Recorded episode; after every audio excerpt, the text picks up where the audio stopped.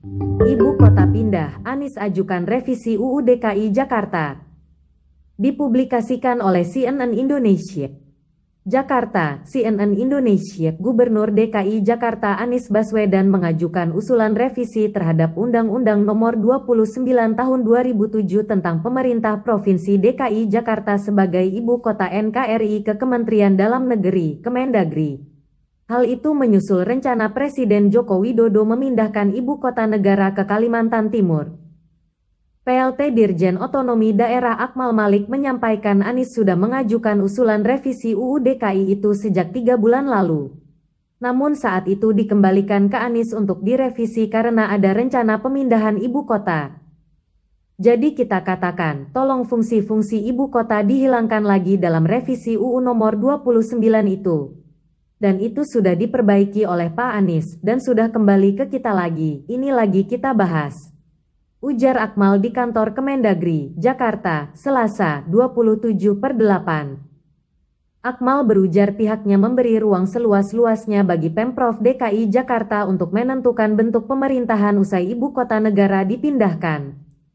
Kemendagri usul ibu kota baru dipimpin PNS. Akmal menambahkan Anies sudah mengajukan konsep Jakarta sebagai daerah otonomi khusus dalam usulan revisi. Jakarta akan jadi provinsi yang membawahi kota dan kabupaten administratif seperti saat ini. Kabupaten dan kota itu akan dipimpin oleh PNS yang ditunjuk gubernur. Akmal mengatakan usulan itu sah-sah saja selama tak melampaui aturan yang ada.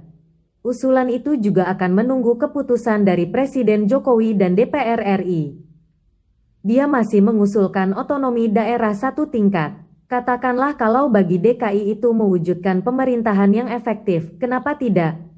Kalau memang dengan format seperti itu rakyat DKI akan lebih sejahtera, kenapa tidak? Ucap Akmal. Ibu kota pindah, Anies dorong Jakarta jadi simpul ekonomi.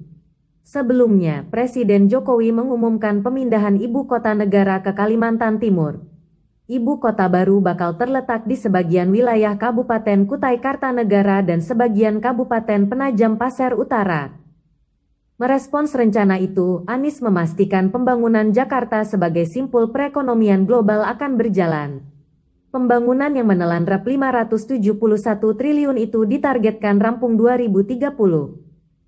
Kami mendorong menjadi simpul kegiatan perekonomian global. Jadi Jakarta tetap akan menjadi pusat kegiatan perekonomian, tidak ada pergeseran di situ, ucap Anies di Kompleks Istana Kepresidenan Jakarta, Senin, 20